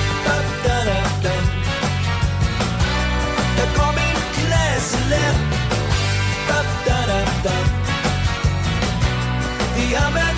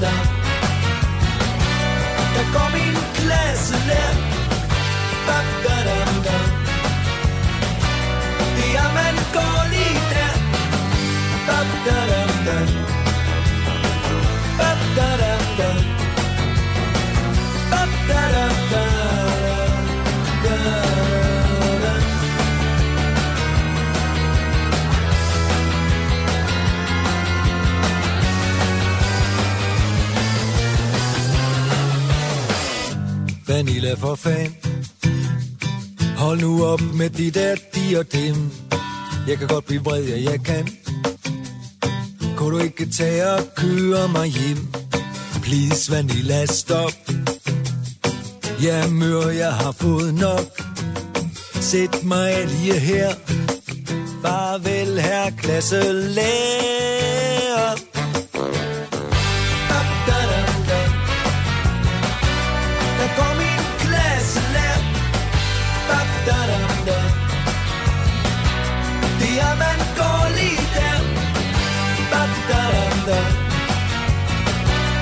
Der kom en klasse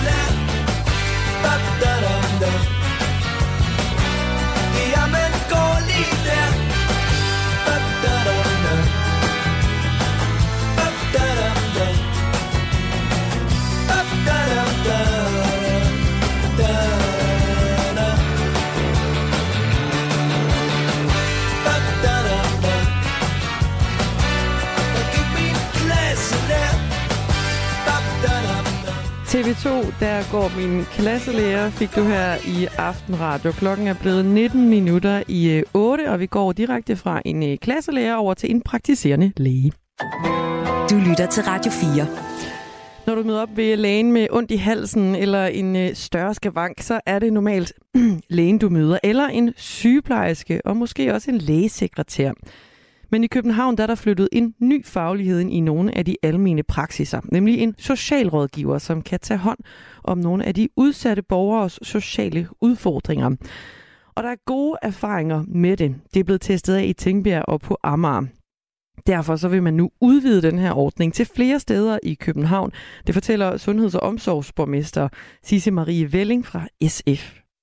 Jamen helt grundlæggende, fordi det har været en rigtig stor succes øh, at få tilknyttet socialrådgiver til nogle af de praksiser, hvor vi ved, vi har de allermest udsatte borgere. Øh, de har ikke sådan lige lyst til at møde op alle sammen øh, på socialkontoret, men mange af dem har faktisk øh, et stort behov. Det kan være, at man er sammen med en voldelig partner, eller at man øh, har, er ved at blive hjemløse øh, og har brug for til hjælp til en bolig. Øh, og det er ikke noget, som man er... Øh, meget erfaren med som praktiserende læger og skulle håndtere. Øhm, og vores praktiserende læger er også øh, presset på tid, så de skal koncentrere sig om, øh, om vores borgers sundhed, øh, og så skal vi selvfølgelig koncentrere os om at hjælpe øh, med de sociale problemer, der kan være. Og det har vi en meget, meget god erfaring med fra Tingbjerg, og det prøver vi nu at øh, udbrede til, til flere bydele. Men er det ikke et problem, at de her borgere de ikke har lyst til at møde op i sådan de almindelige kommunale systemer ved de almindelige kommunale kontorer? Jeg tror desværre, at nogle af de her borgere øh, er jo også øh, nogle gange sådan lidt mærket for livet. Nogle, gange, nogle af dem er opvokset i familier, hvor, øh, hvor man måske har været anbragt, eller hvor man, der har været en trussel om at blive anbragt, og derfor kan man godt være bange for de sociale myndigheder, øh, men til gengæld øh, hvad hedder det, have det rigtig fint med at komme ned til lægen øh, og få den hjælp, som man også har brug for der. Øh, og der betyder det rigtig meget, at man bliver mødt af en socialrådgiver på et, øh, et sted, hvor man føler sig tryg, øh, og det gør man ofte i almen praksis, og det er derfor, at den her ordning den har vist sig at være en rigtig stor succes. Og så kan vi samtidig også se, at, øh, at vi nogle gange har svært ved at tiltrække praktiserende læger til vores øh, allermest udsatte borgere i de områder, de bor. Øh, og det, at man afhjælper de praktiserende læger med de sociale opgaver ved at have et socialrådgiver tilknyttet, det gør, at man også har mod på at tage den store opgave på sig, det er at skulle øh, sørge for sundhedstilstanden i de her områder. Og det er et sted, vi virkelig ved, at der er brug for det. Det er et sted, hvor der er rigtig stor ulighed i sundhed, øh, og hvor man har brug for at kunne se sin praktiserende læge øh, oftere, end hvad du og jeg måske har brug for.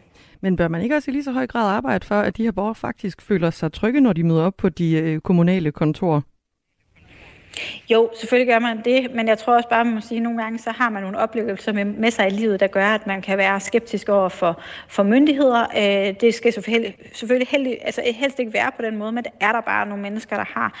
Det betyder ikke, at de ikke har brug for øh, at have en socialrådgiver, der nogle gange kan hjælpe dem, men de har brug for at blive mødt der, hvor de er, og nogle gange er de bare mere trygge ved at være i almen praksis og blive mødt af den socialrådgiver, frem for selv at skulle opsøge den hjælp.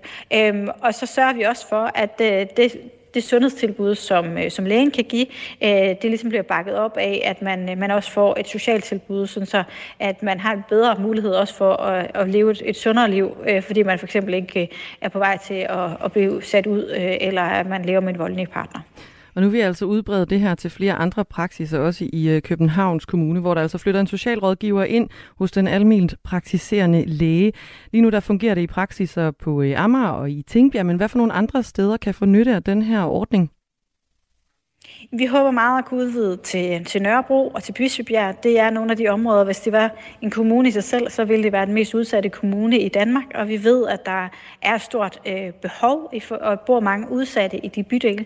Øhm, og der ville det være rigtig godt at kunne understøtte vores læger ved at have øh, en socialrådgiver, der øh, kan, kan flytte ind og kan komme øh, i praksis og afhjælpe nogle af de sociale problemer, som nogle af borgerne har, øh, sådan så at de kan koncentrere sig om, øh, om de sundhedsmæssige problemer, som borgeren har brug for hjælp til. Når nu I øh, udvider den her øh, ordning, er det noget, man også, altså ved at få fat i nogle af de her udsatte borgere, er det noget, man på sigt kan spare penge ved også øh, kommunalt ved at indsætte en socialrådgiver i den almindelige praktiserende læge, for at øh, fange nogle af de her borgere i en eller anden form for et sikkerhedsnet? Øh, jeg ved ikke, om man kan spare penge til, ved at gøre det, men grundlæggende så synes jeg, at det vigtigste er sådan set, at vi får grebet de borgere, som har brug for vores hjælp. Øh, at vi både får sørget for, at de får en bedre sundhedstilstand. Øh, vi ved, at udsatte borgere dør langt før øh, hvad hedder det, den gennemsnitlige dansker. De har langt flere kroniske sygdomme. De har mange flere dårlige leveår til sidst, og derfor er det rigtig vigtigt, at der er en læge tæt på, som kan hjælpe dem med de sundheds problemer, som de har.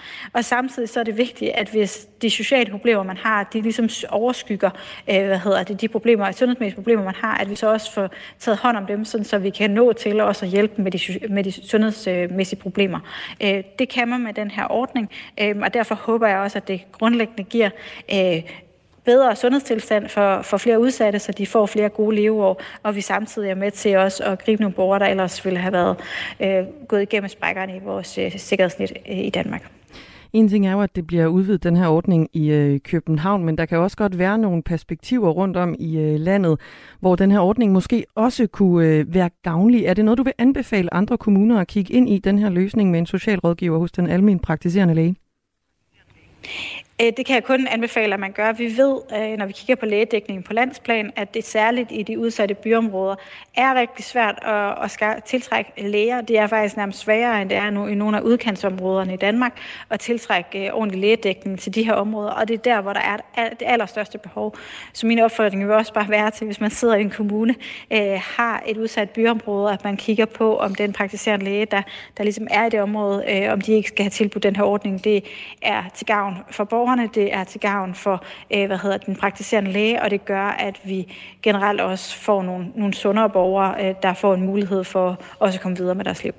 Sådan øh, sagde sundheds- og omsorgsborgmesteren Sisse Marie Velling, som er valgt for SF i København.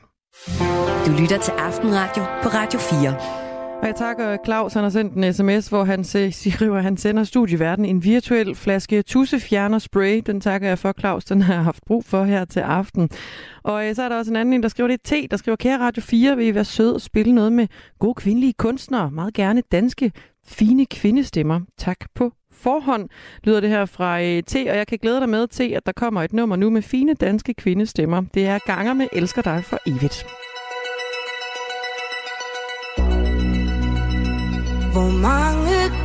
Skal der gå? Du er så tavs, hvad tænker du på? Jeg gemmer dit hjerte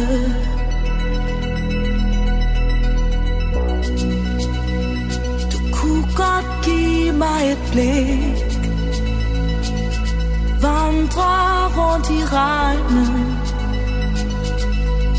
og natten har øjne er smuk nu. Ja, du er smuk nu. Og for himmels skyld. Så luk op din blomst. For hvor jeg end går, står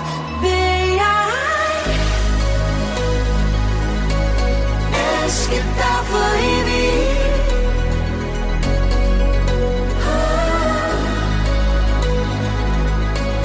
Ah, dig for evigt.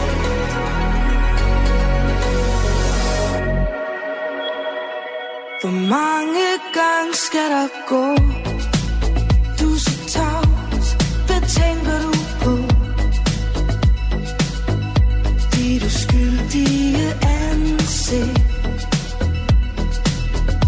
Skyerne med dig.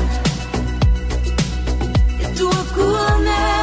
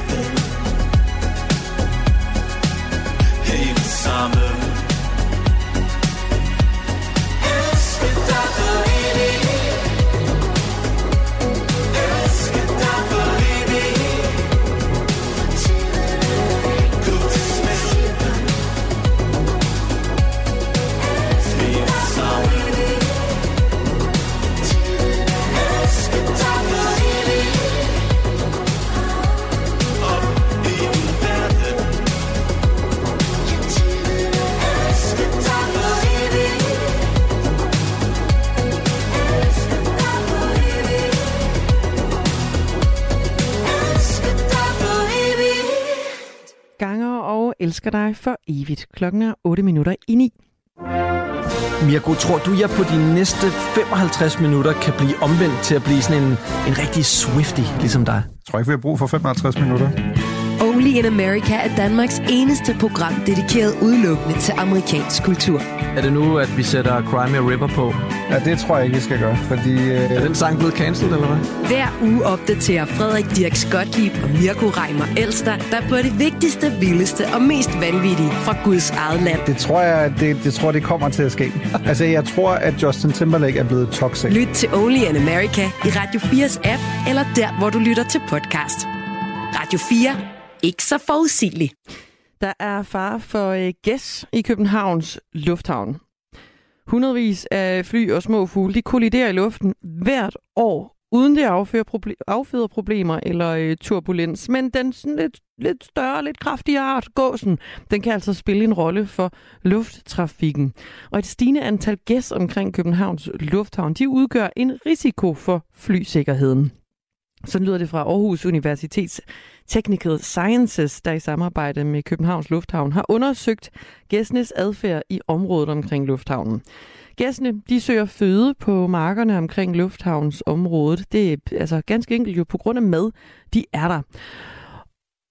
Og så er set, at store flokke både, altså det er set, at store flokke både om morgenen og også om aftenen, de bevæger sig sådan hen over start- og landingsbanerne mellem øh, de overnatningspladser, de har på Kalvebod Fældet og i markerne omkring. Og det er altså til stor risiko for fly, der lander eller letter.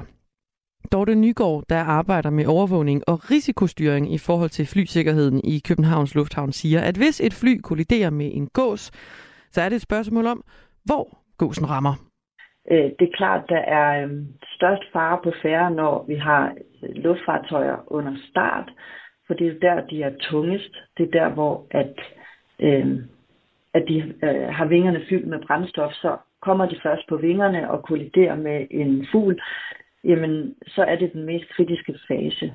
Derfor er en af vores to jæger på vagt hver dag også øh, placeret lige omkring rotationspunktet, sådan så de kan gribe ind, altså regulere på gæssene, hvis det er der, vi ser dem øh, være på kollisionskurs med flyene. Når så flyet først er kommet på vingerne, og det, øh, og det forlader lufthavnen og flyver ud over lufthavnens indhegning, så er det lidt ud af vores hænder, hvad det er, der sker, fordi vi har jo ikke øh, adgang til arealerne uden for lufthavnen. Og derfor har vi også bedt forskerne fra Aarhus Universitet om at hjælpe os med at få afdækket, hvor stor er så risikoeksponeringen i de områder, hvor vi har flyene, som øh, lige er lettet fra vores lufthavn. Øh, det, som er faren øh, uden for hegnet af lufthavnen, det er jo, at et luftfartøj der bliver ramt af de her gæs. Og hvis det bliver ramt, øh, så er det jo igen et spørgsmål om, hvor på luftfartøjet rammer fuglen. Øh, og er det jo så uheldigt, at det er motoren, som bliver ramt, øh, jamen så er det jo, at piloterne skal til at, at, finde ud af, hvad er det så konsekvensen for deres viderefærd øh, er. Og, og her er fly designet til at kunne fortsætte på øh, reduceret motorkraft, hvilket er det mest, øh, det mest hyppigt forekommende, hyppigst forekommende, der sker. Så vil piloterne tage beskik af situationen, og så vil de i tilfælde af, at de har ramt øh, noget i størrelsesordenen gås, så vil de formentlig returnere til lufthavnen og få undersøgt flyet for eventuelle skader. Dorte Nygaard peger dog, påpeger dog også, at i forhold til antallet af gæs, som er rundt om lufthavnen, så er antallet af kollisioner med fuglen ret lav. Samlet set, der har der været tre tilfælde i år. Men det er særligt store flokke af bramgæs, der inden for de seneste år altså har slået sig ned på markerne ved Stor Magleby på Amager, som ligger ganske tæt på lufthavnen og altså kan give nogle sikkerhedsmæssige udfordringer. Du lytter til Radio 4. Hvor vi lige runder sms-indbakken endnu en gang. Det handler om eh, kontanter og om, hvorvidt man bør afskaffe 1000 kronesedlen, sådan som børsen har erfaret, at Nationalbanken og regeringen vil gøre. Dog Birte, hun skriver ind, på grund af en fejl i banken, som de i øvrigt ikke kunne finde, er jeg uden kort i 10 dage herefter et helt nyt kort så var jeg uden kort i 10 dage efter et helt nyt kort. Banken mente, jeg kunne låne mig frem hos bekendte. Hvad er det dog for noget, at 1000 kronesedlen skal væk, er yderligere et skridt til kontrol, skriver Birte. Altså en, som har været ramt af ikke at kunne få fat i sine øh, digitale kontanter. Så hvis kontanterne de ryger, så, øh, ja, så er der bare ikke noget at gøre. Så må man låne sig frem hos bekendte, som hun har fået videre af banken. En anden skriver, hvis vi kun havde kontanter, havde svindlen med momsrefusion ikke været muligt, da det havde været nødvendigt med lastbil fulde af kontanter, og må ikke det havde vagt opmærksomhed i steder for bare at overføre beløbet. I stedet for bare at overføre beløbet digitalt. Det er øh, Nils Wang, der skriver den besked ind på 1424. Og rigtig, rigtig mange gange tak for øh, alle jeres sms'er her til aften. Der kommer øh, måske nyt om 1000 kronesedlens fremtid i morgen klokken 10, hvor Nationalbanken altså har indkaldt til et pressemøde.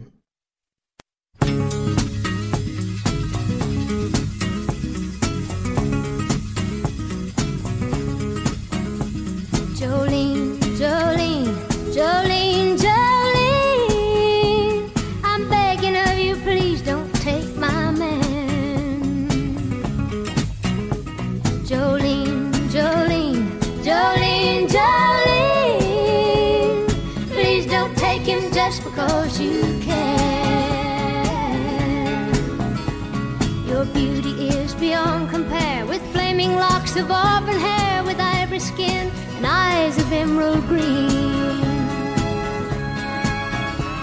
Your smile is like a breath of spring, your voice is soft like summer rain, and I cannot compete with you, Jolene. He talks about you in his sleep, and there's nothing I can do to keep from crying when he calls your name, Jolene. And I can easily understand how you could easily take my man, but you don't know what he means to me, Jolene.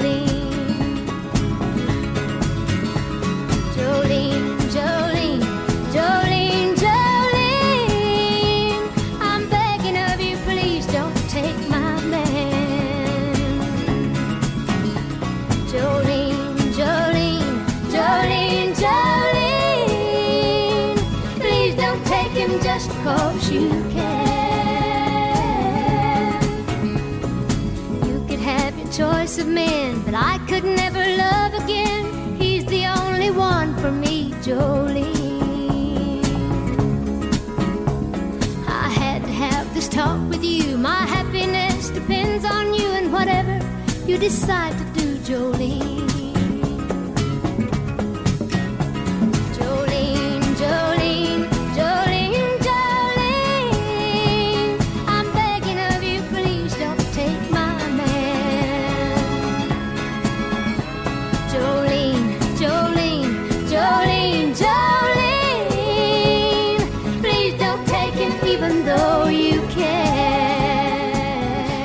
Dolly Parton og Jolene lukker øh, aftenen ned for i aften på Aftenradio. Der er mere Aftenradio i morgen kl. 19.05. Bliv hængende her på kanalen. Der er notesbogen lige efter nyhederne kl. 21. Du har lyttet til en podcast fra Radio 4. Find flere episoder i vores app, eller der, hvor du lytter til podcast. Radio 4. Ikke så forudsigeligt.